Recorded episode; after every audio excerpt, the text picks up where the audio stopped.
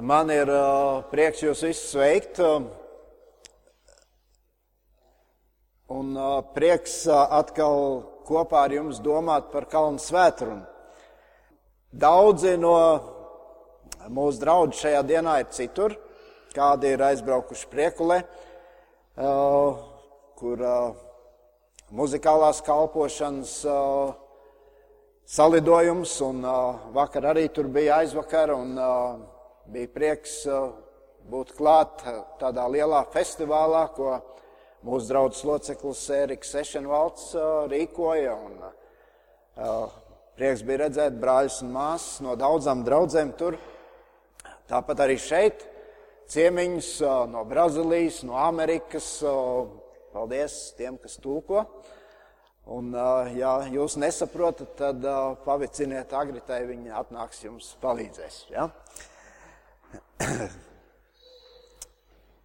Mēs uh, draudzē domājam par Kalnu svētrumu. Un, uh, šis ir laiks, kad uh, arī tad, ja tu neesi bijis klāt, tev ir iespēja paklausīties mūsu draudzes mājaslapā šīs svētrunas un sekot līdzi, mācīties un varbūt arī padziļināt to apgūt. Kādās Bībeles studijās, ko arī tur var atrast mājaslapā, tā kā izmantojiet to. Šajā dienā mēs domāsim par ļoti interesantu tēmu. Tēmu, ar kuru mēs katrs sastopamies, jo mēs kā kristieši, kā draugi, atrodamies tādā cīņas laukā. Un uh, ne jau vienmēr tā cīņa ir tāda ārēja, kur mums ir kaut kādi ieroči jāņem rokās un kaut kā ārēji jācīnās. Bieži vien tā cīņa notiek mūsos pašos, mūsu sirdīs. Un šodien mēs kopīgi domāsim par vienu no lielākajām cīņām, kuru kristietībai nākas izcīnīt, kuru mums katram kā kristietim nākas izcīnīt, ja mēs patiešām tādi gribam būt. Šodien mēs runāsim par tēmu Netiesājiet, lai jūs netiktu tiesāti.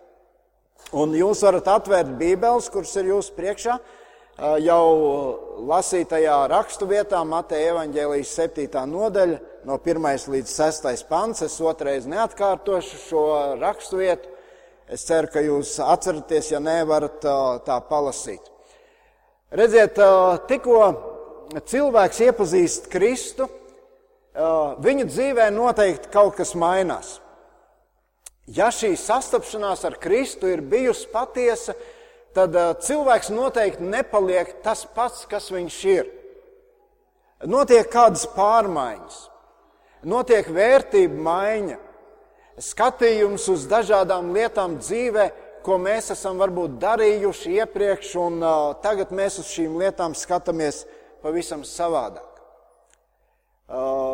Kad bērni sāk iet skolā, jau pirmajā klasītē, viņiem tur kaut ko māca. Un notiek tā, ka pavisam pēc tāda neilga laika, kad viņi ir kādas dienas skolā pagājuši, viņi atnāk mājās un viņi saka, ah, es kaut ko zinu, es kaut ko esmu apguvis. Un iet gadi, un Bērns iet nākošajā klasē, vēl pabeidz pamatskolu, pabeidz vidusskolu. Un uh, bieži vien ir tā, ka šīs zināšanas apgūstot, bērnam liekas, nu es jau zinu ļoti daudz. Es uh, zinu lietas labāk nekā mani vecāki to zina. Uh, bet paiet mazs laiciņš, un uh, cilvēks sastopas ar dzīves skolu. Un tad sāk notikt tas pretējais process. Un jau tad, kad cilvēks nāk tuvāk vecumdienām, tad viņš domā, nē, tiešām mani vecāki arī kaut ko zināja, un uh, pat daudz labāk nekā es to zināju. Redziet, kaut kas līdzīgs notiek arī ar cilvēkiem, kuri nāk pie Kristus un iepazīst Kristu. Cilvēks pirms tam ir darījis kādas sliktas lietas, viņš piedzīvos, piedzīvo Kristus žēlastību, piedzīvo grēku piedošanu, viņš sāk lasīt Bībeli, apmeklēt draugu, iemācās kādas lietas vairs nedarīt. Un kas tad notiek?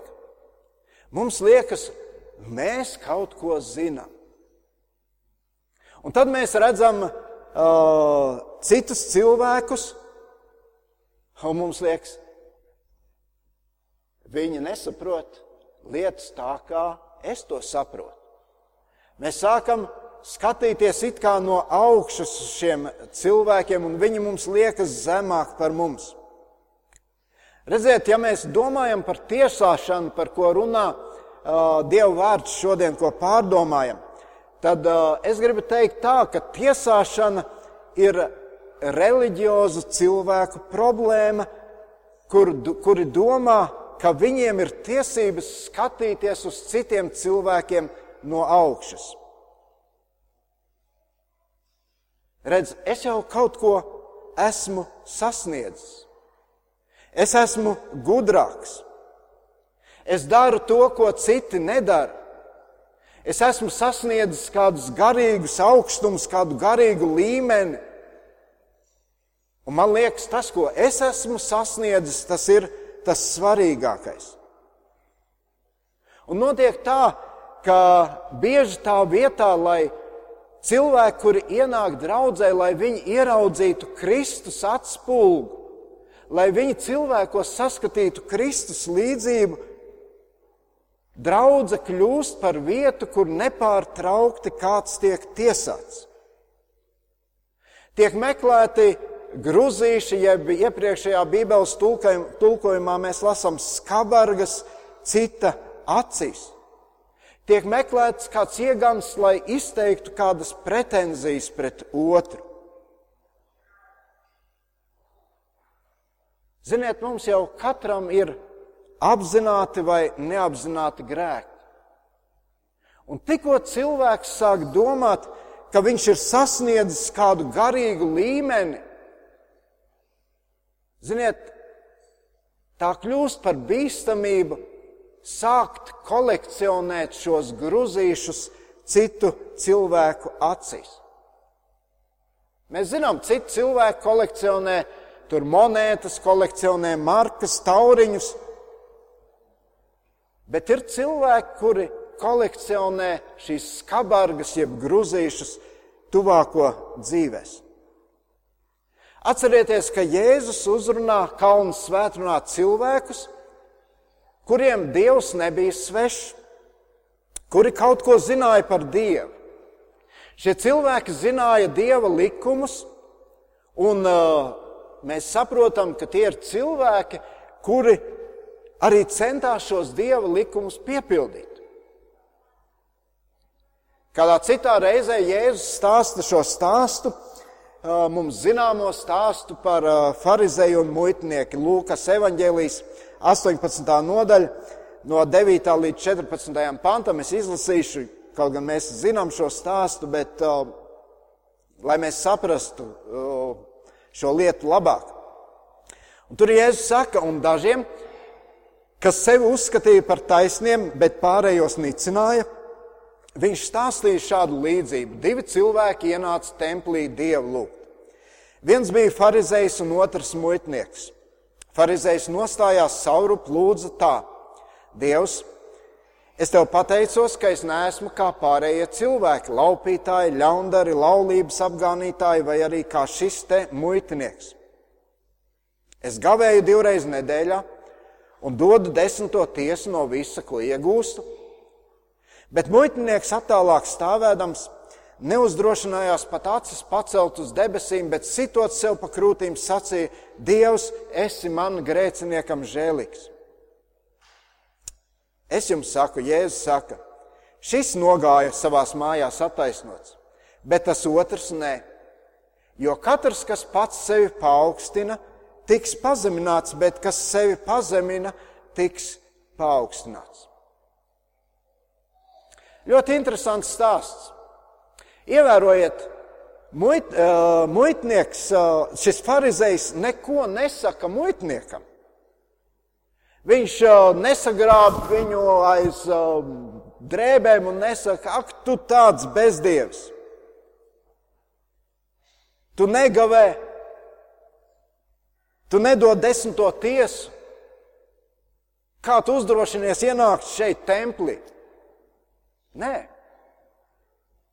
Pharizējs dara labu lietu, viņš lūdz Dievu. Bet, ja mēs ieklausāmies, tad mēs dzirdam, šī lūkšana ir pilna ar tiesāšanu. Lūkšana ir tā, ar kuru farizējs cenšas sevi pacelt augstāk. Jo viņam liekas, jo augstāk es sevi pacelšu, jo Dievs mani ievēros. Ziniet, šodien arī ļoti daudz šo lietu praktizē. Katram, katram cilvēkam, ar kuru mēs sastopamies, ar kuru mēs šodien sēžam šeit, kopā šajā telpā, ir pietiekoši daudz lietu, kur mēs varam piekasīties. Un Jēzus sakot šos vārdus, netiesājiet, lai jūs netiktu tiesāti, viņš parāda ļoti interesantu iespēju. Redziet, kad mēs domājam par šiem vārdiem, tad mēs saskaramies ar vienu problēmu. Un tā ir problēma, pie kā es gribu nedaudz apstāties šajā rītā, lai mēs zinātu, ko Jēzus domāja sakot šos vārdus. Lai nebūtu tā, ka tad, kad mums ir izdevīgi, mēs sakam, netiesājiet, kad mums nav izdevīgi, tad mēs sakam, nu, mēs tikai apspriežam šo lietu. Redziet, Dievs cilvēkam ir devis spēju spriest par lietām. Un šajā pašā nodaļā mēs lasām, ka Jēzus arī to akcentē. Viņš saka no 15. panta līdz 20. viņš saka, uzmanieties no viltus praviešiem. Tie nāk pie jums avju drēbēs, taču no iekšpuses tie ir plēsīgi vilki. Jūs viņus pazīsiet pēc augļiem. Vai tad kāds lasa vīnogas no ērkšķiem vai vīģis no dažiem? Tā katrs labs koks nes labus augļus, bet nelāks koks nes sliktus augļus. Labs koks nevar nest sliktus augļus, nec nelāks koks labus.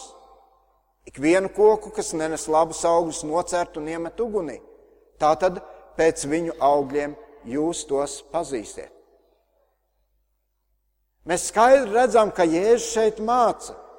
Jums ir jāspriež par lietām, ko jūs redzat. Jums ir jāizvērtē lietas, ar ko jūs sastopaties. Jums ir jāizdara šie secinājumi, pareizi tas ir vai nepareizi. Bet te Jēzus saka, netiesājiet. Un tad ir jautājums, kur ir šī robeža? Kur mēs drīkstam ko teikt un kur mēs nedrīkstam ko teikt. Paldies Dievam! Bībele ļoti konkrēti runā par šo lietu. Un lai mēs saprastu ļoti skaidri, ko Jēzus domā, par, domā sakot šos vārdus, netiesājiet, lai jūs netiktu tiesāti.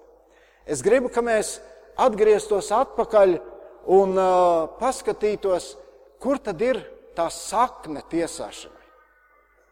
No kura brīža šī tiesāšana, tas, ka mēs sevi paceļam augstāk par citiem, un citreiz pat cenšamies pacelt augstāk par Dievu, kur ir tas moments, kad tas ienāca cilvēku dzīvēm? Un kā jau ar daudzām lietām, negatīvām lietām, arī šī ir lieta, kur mēs pirmo reizi ar to sastopamies ēdienas dārzā. Vēlns pienāk pie ievas un ādama un saka, jūs varat kļūt brīvi no tām dieva uzliktām važām. Jūs varat kļūt brīvi, neatkarīgi savos spriedumos. Pirmā mūzes grāmata, trešā nodaļa, no 1 līdz 4 pantam. Bet čūska bija vismanīgākā no visiem lauka zvēriem, kurus Dievs bija taisījis, un viņa teica sievai: Vai tiešām Dievs sacīja, no visiem dārza kokiem jūs nevarat ēst? Sieva teica čūskai: mēs varam ēst no visiem dārza augļiem, bet par tā koka augļiem, kas dārza vidū, Dievs sacīja: Nēdiet no tā un neaiztieciet to, citādi mirsiet. Bet čūska teica sievai: Mirt jūs nemirsiet.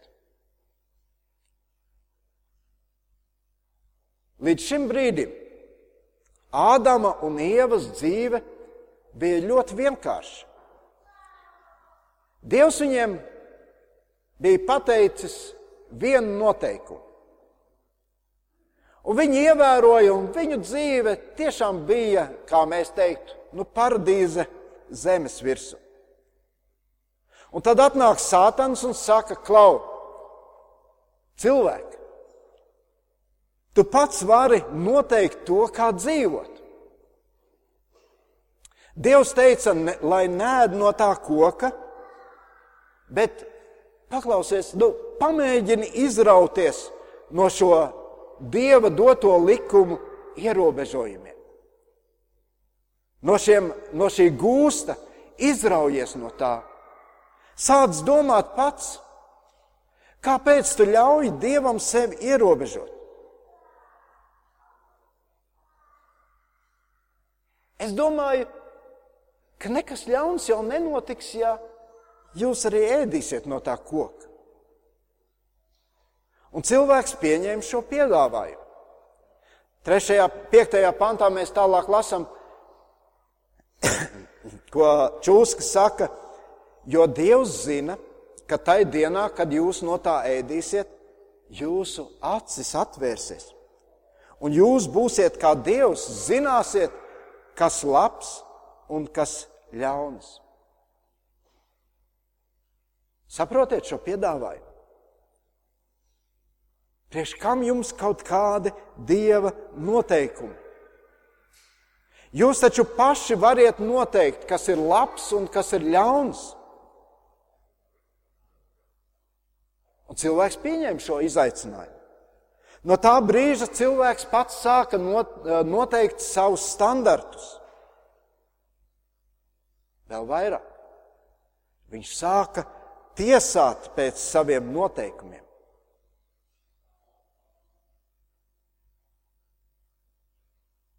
Ja jūs ievērojat, tur ir tāds nianses šajā stāstā, no radīšanas stāsta.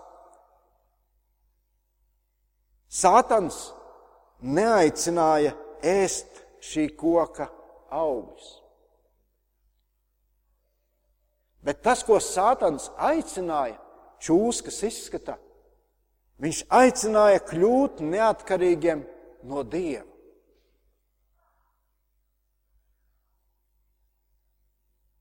Dievs teica, tu ko cilvēki? Tu taču esi radīts pēc dieva līdzības. Vai tiešām tu pats neesi spējīgs pastāvīgi domāt? Un cilvēks noticēja šiem meliem, saprata, tiešām nav slikti. Augļi ir labi, skaisti, garšīgi. Un tikko tika sarautas šīs saites ar to, kurš vienīgais zina patiesību. Tā mēs redzam, viss aizgāja galīgi šķērsām cilvēka dzīvē. Cilvēks vairs nespēja pats noteikt, kas ir patiesība un kas ir meli.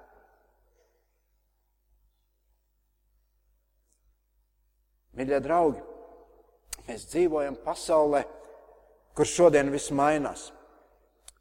Viena valsts iekārta nomaina otru, ir konservatīvas vērtības, pēc brīža tās tiek nomainītas pret liberālām vērtībām, tad atkal otrādi.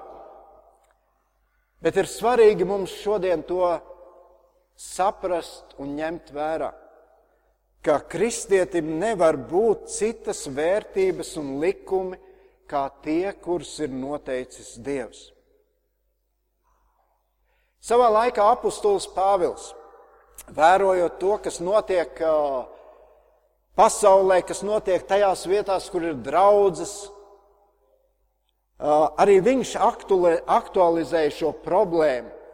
Un tas, ko viņš teica daudzus gadus iepriekš, to mēs redzam arī šodien mūsu sabiedrībā. Es gribu izlasīt tikai vienu rakstu vietu, kas ir tik aktuāla arī šodien mums Latvijā. Romiešiem viens no 21. panta sākot. Apostols Pāvils raksta: Dievu pazīdami, tie viņu nav godājuši kā dievu un nav viņam pateikušies, bet kļuvuši domās tukši, un viņu neprātīgā sirds ir aptumšojusies. Apgalvodami, ka ir gudri, tie kļuvuši muļķi un aizvietojuši neiznīcīgā dieva godību ar iznīcīga cilvēka un putnu un četrkājaiņu un rāpuļu līdzībā darinātu tēlu Tādēļ Dievs tos ir nodevis viņu sirds kārībām, tā kā tie nešķīstībā apkauno savu miesu. Dieva patiesību tie apmainījuši pret meliem, godinājuši radību un kalpojuši tai nevis radītājam. Un tad viņš tālāk saka, tādēļ Dievs tos nodevis kaunpilnai kaislei Viņu sievietes ir apmainījušas dabiskās dzimuma attiecības ar pretdabiskām, tāpat arī vīrieši atmetuši dabiskās attiecības ar sievietēm, savā iekārē ir iedegušies viens pret otru. Vīrieši ar vīriešiem piekopdami kaunpilnas lietas paši saņem pelnīt sodu par savu nomaldīšanos. Un tā kā tie nav uzskatījuši par pareizu turēt prātā Dievu, Dievs viņus nodevis atgādnai saprašanai, ka tie dara to, kas neklājas. Tie ir pārpilni visādas netaisnības, negantības, alkatības, ļaunuma, pilni skaudības, slepkavību, ķildu, viltības, ļaunprātības, melnesības, aprunāšanas, naida pret Dievu, nekaunības, uzpūtības, lielības, ļaunu blēdību, nepakļāvības vecākiem, pilni neprāta, neusticami, nejūtīgi, nežēlīgi. Un viņi, lai gan skaidri zina Dieva taisno likumu, ka tie, kas tādas lietas dara, ir pelnījuši nāvi, tomēr nevien paši tā dara, bet atbalsta arī citus, kas tā rīkojas.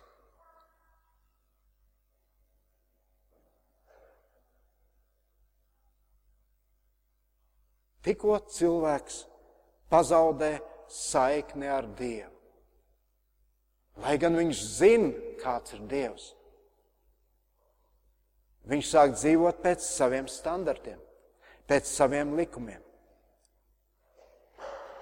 Un, mīļie, patīk mums tas vai nē, bet bez Dieva mēs nespējam pareizi domāt un spriest par lietām.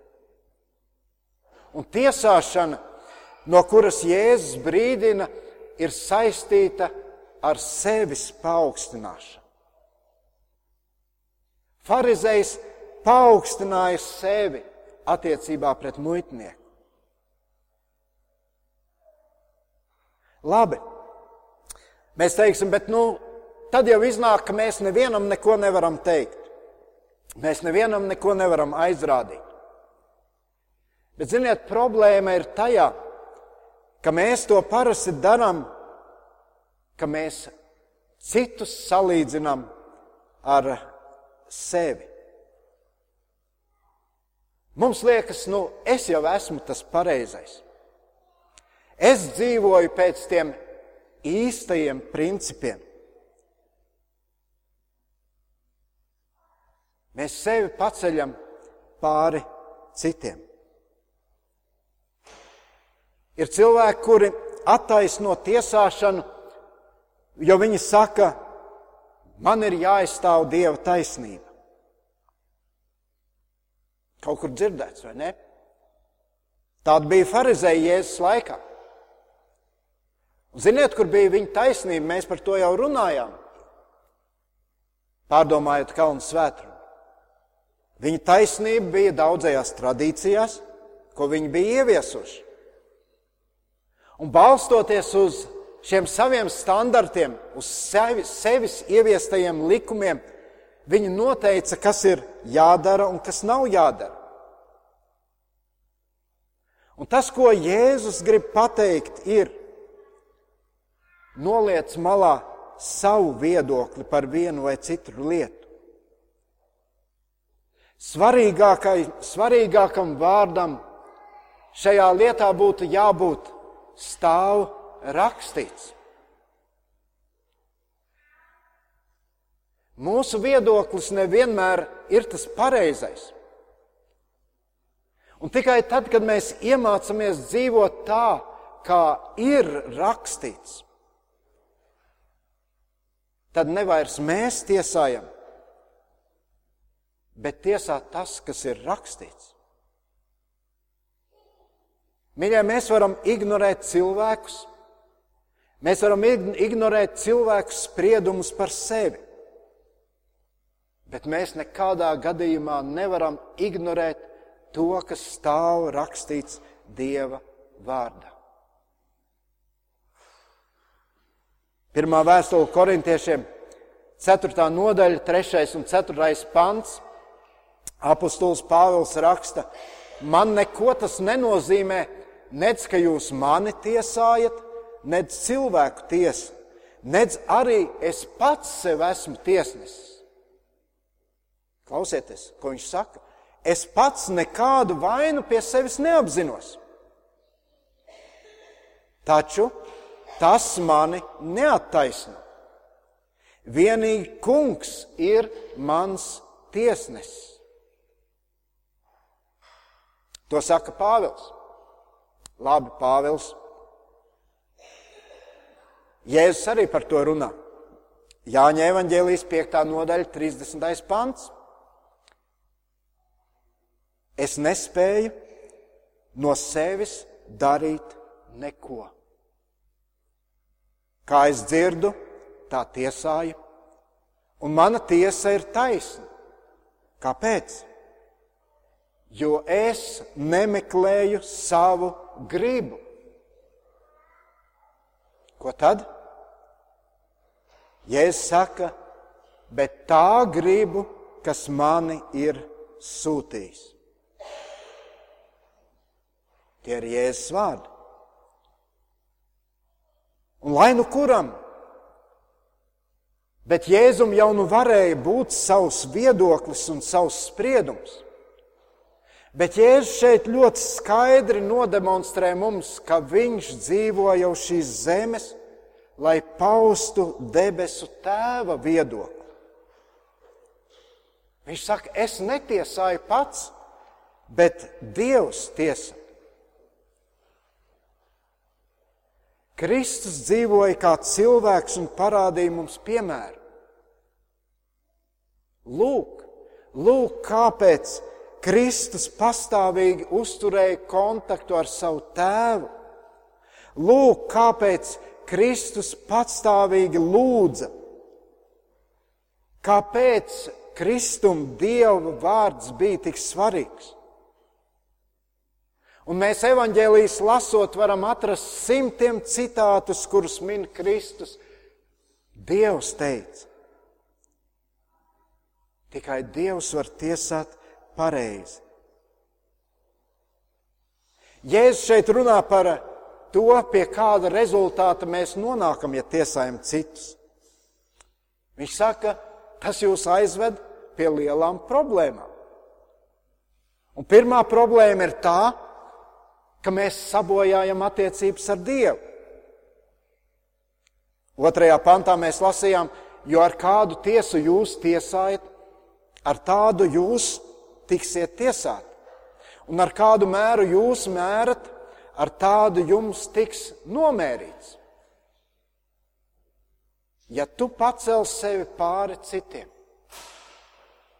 tu sevi noliec Dievu vietā. Bet visi, kas apstrīd Dieva autoritāti, tiks no viņa atstumti. Ik viens, kurš mēģina karot pret Dievu, tiks sakauts. Apostols Pāvils Romiešiem otrajā nodaļā no 1 līdz 3 pantam saka, tādēļ cilvēku tu, kas tiesā citu, tev pašam nav ar ko aizbildināties. Par ko tu tiesā citu? Par to tu notiesā pats sevi. Jo tiesātājs būdams, tu dari to pašu. Bet mēs zinām, ka pār tiem, kas tā rīkojas, nāk Dieva taisnīgā tiesa. Vai tiešām tu cilvēki domā, ka citus tiesādams par to, ko pats dari, tu izbēgsi Dieva sodam? Redziet, izrādās tiesāšana ir briesmīga lieta. Lieta, pret ko Dievs vērsīsies ar visu savu bardzību.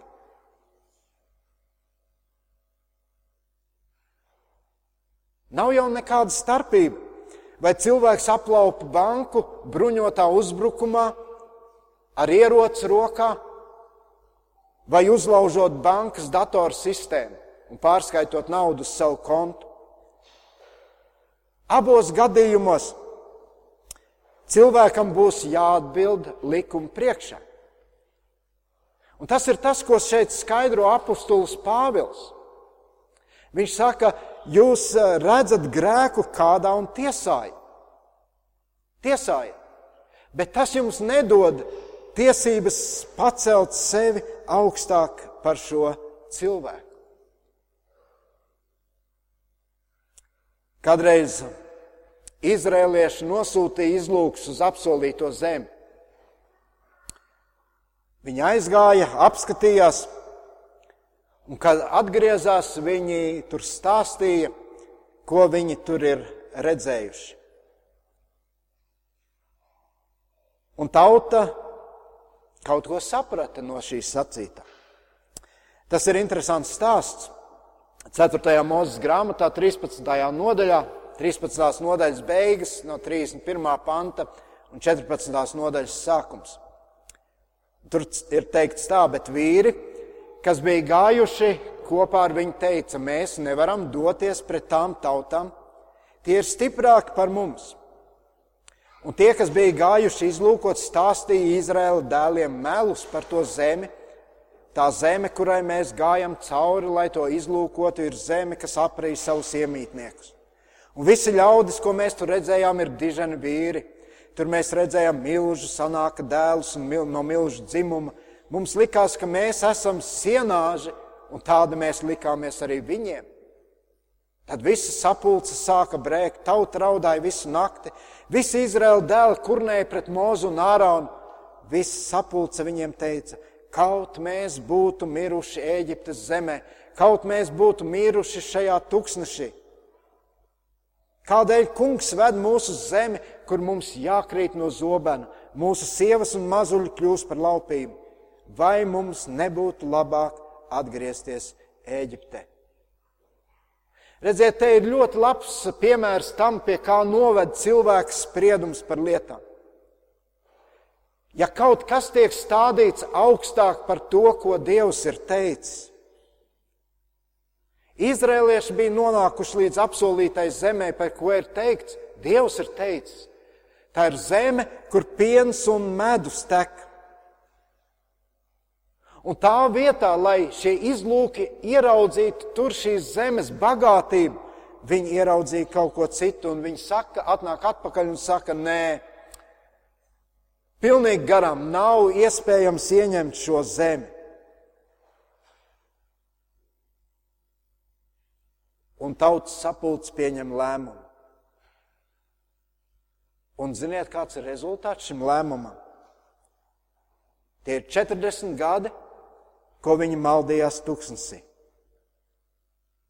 Un šo 40 gadu laikā gandrīz visi, kuri pieņēma šo lēmumu, izņemot divus, gāja bojā. Ar kādu tiesu jūs tiesājat? Ar tādu jūs tiksiet tiesāti. Ar Dievu nedrīkst spēlēties. Dievu nekad mums neizdosies apspēlēt. Ja tu pieņem lēmumus, apējot to, ko Dievs skaidri saka, tas agri vai vēlu tev noteikti sagādās problēmas. Mīļie, Padomājiet šodien par saviem lēmumiem, kurus jūs pieņemat. Padomājiet par savu dzīvi. Padomājiet par savu attieksmi pret cilvēkiem, kur ir jums līdzās. Ģimenē, darba vietā, draudzē. Padomājiet, kā jūs izmantojat laiku. Padomājiet, kā jūs uh, lietojat naudu, kuru Dievs jums uztic. Uz ko balstoties tu pieņem lēmumus savā dzīvē?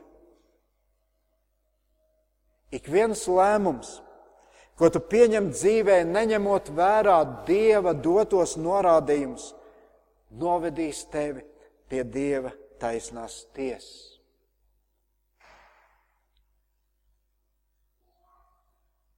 Un otra problēma, ko rada tiesāšana.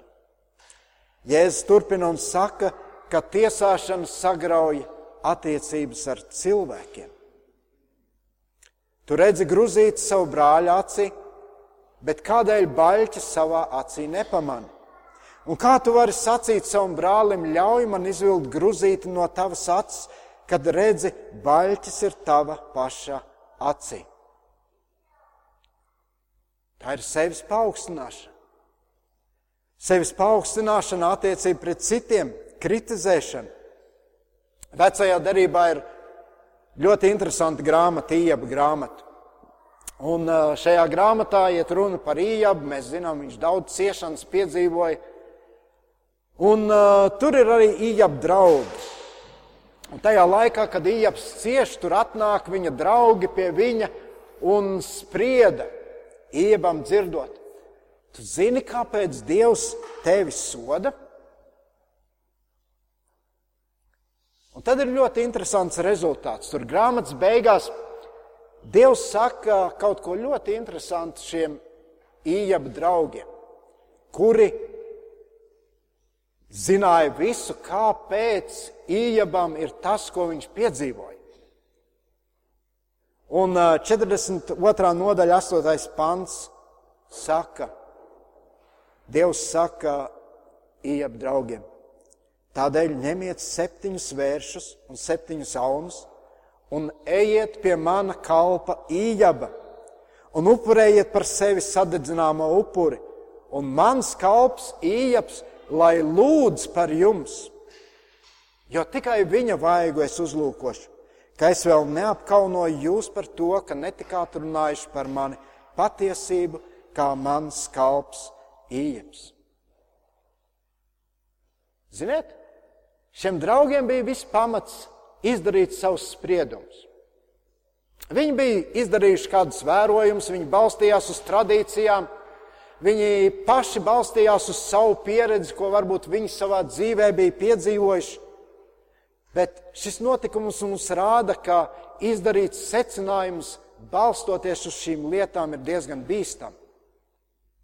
Jo redziet, Ijab draugi neredzēja to, kas notiek tur debesīs. Kas notiek šī cilvēka Ijaba attiecībās ar Dievu. Viņi to neredzēja. Mācīsimies izdarīt secinājumus tikai balstoties uz Dieva vārdu.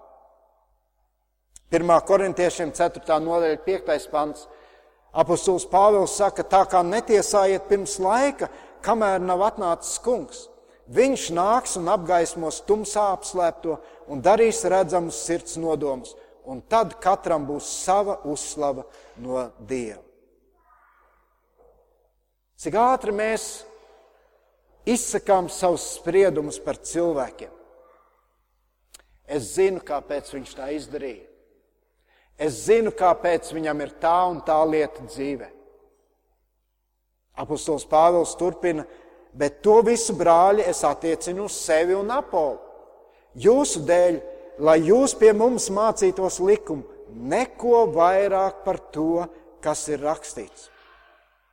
Lai jūs vienu dēļ nekļūstat uzpūtīgi cits pret citu. Ļoti vienkārši. Pāvils parāda veidu, kā tikt galā ar tiesāšanu.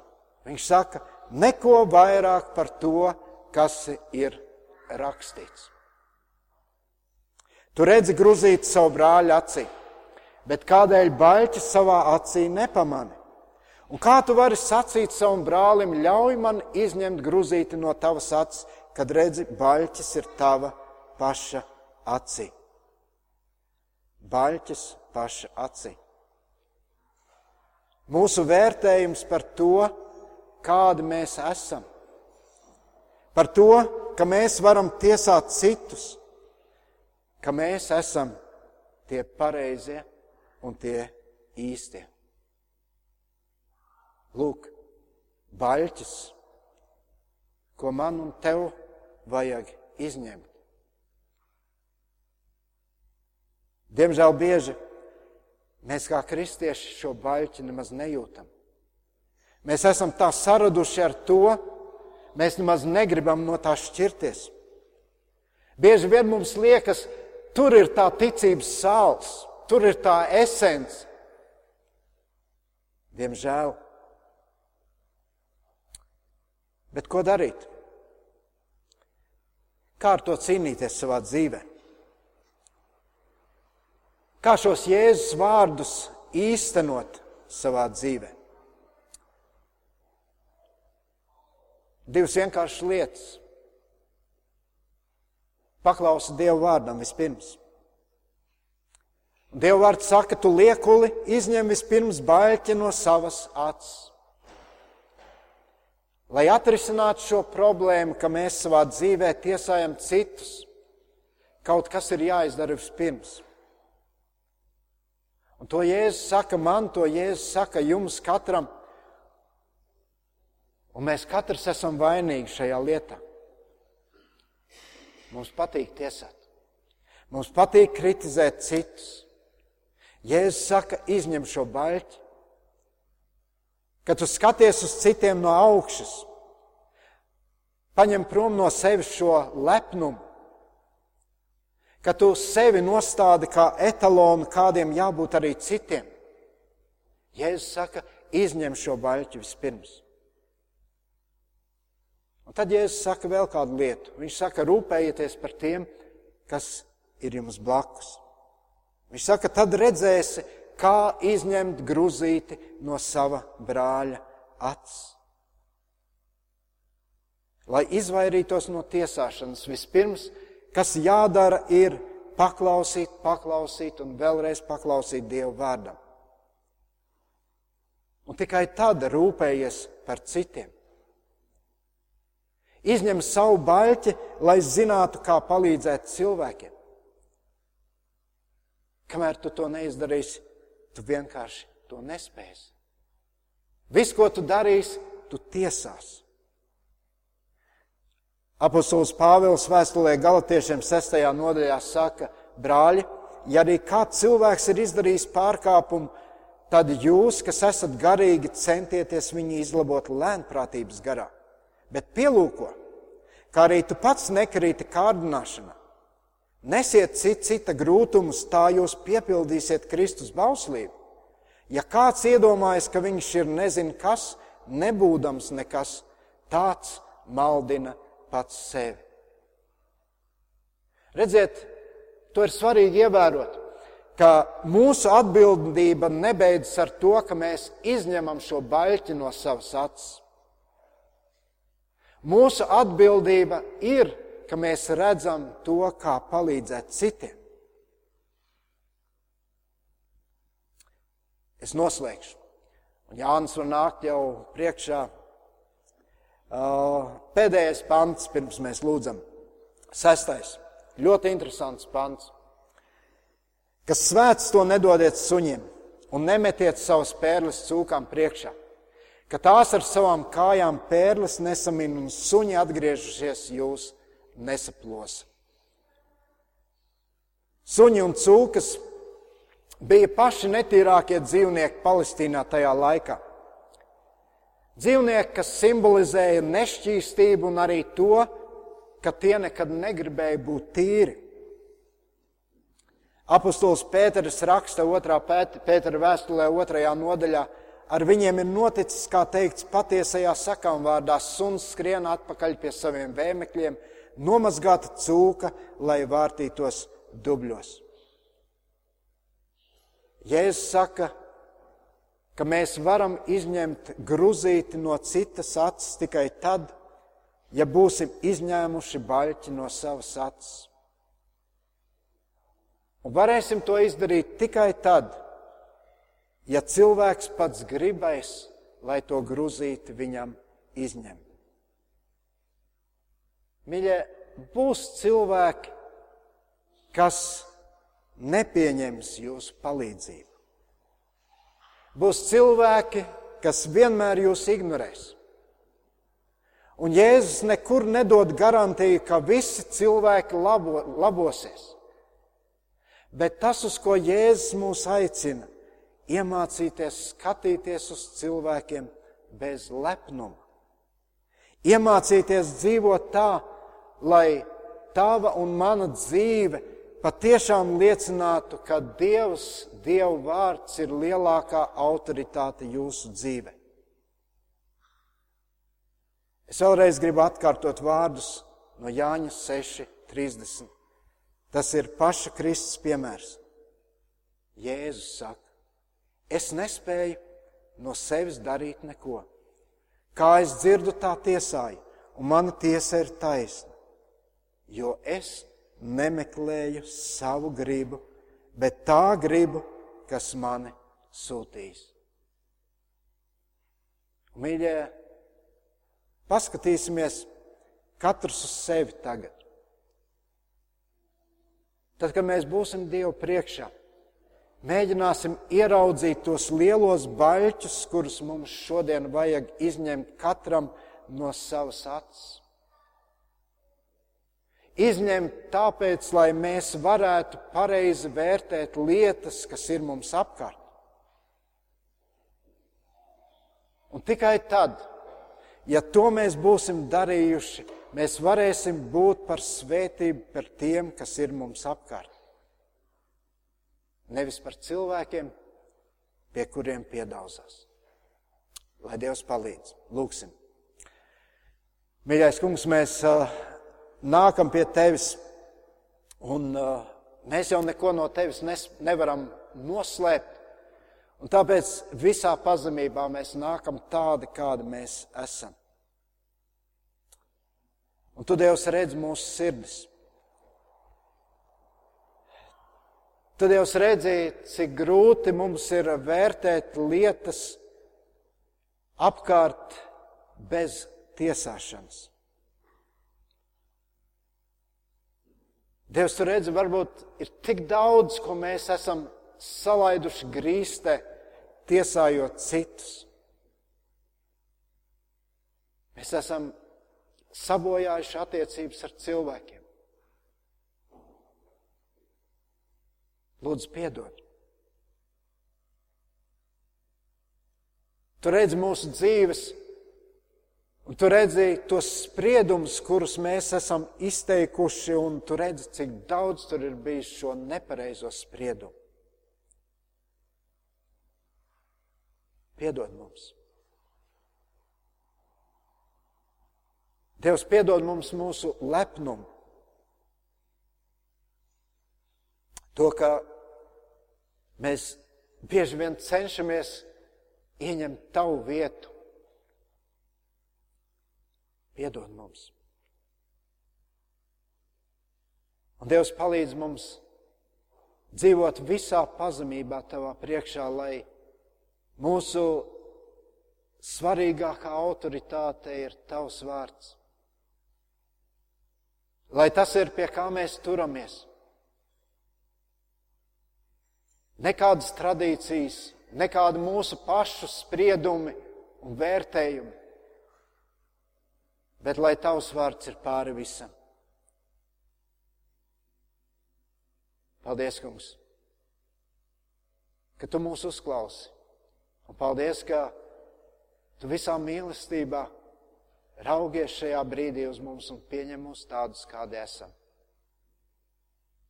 Un paldies, ka varam to lūgt Kristu tavā vārdā. Āmen!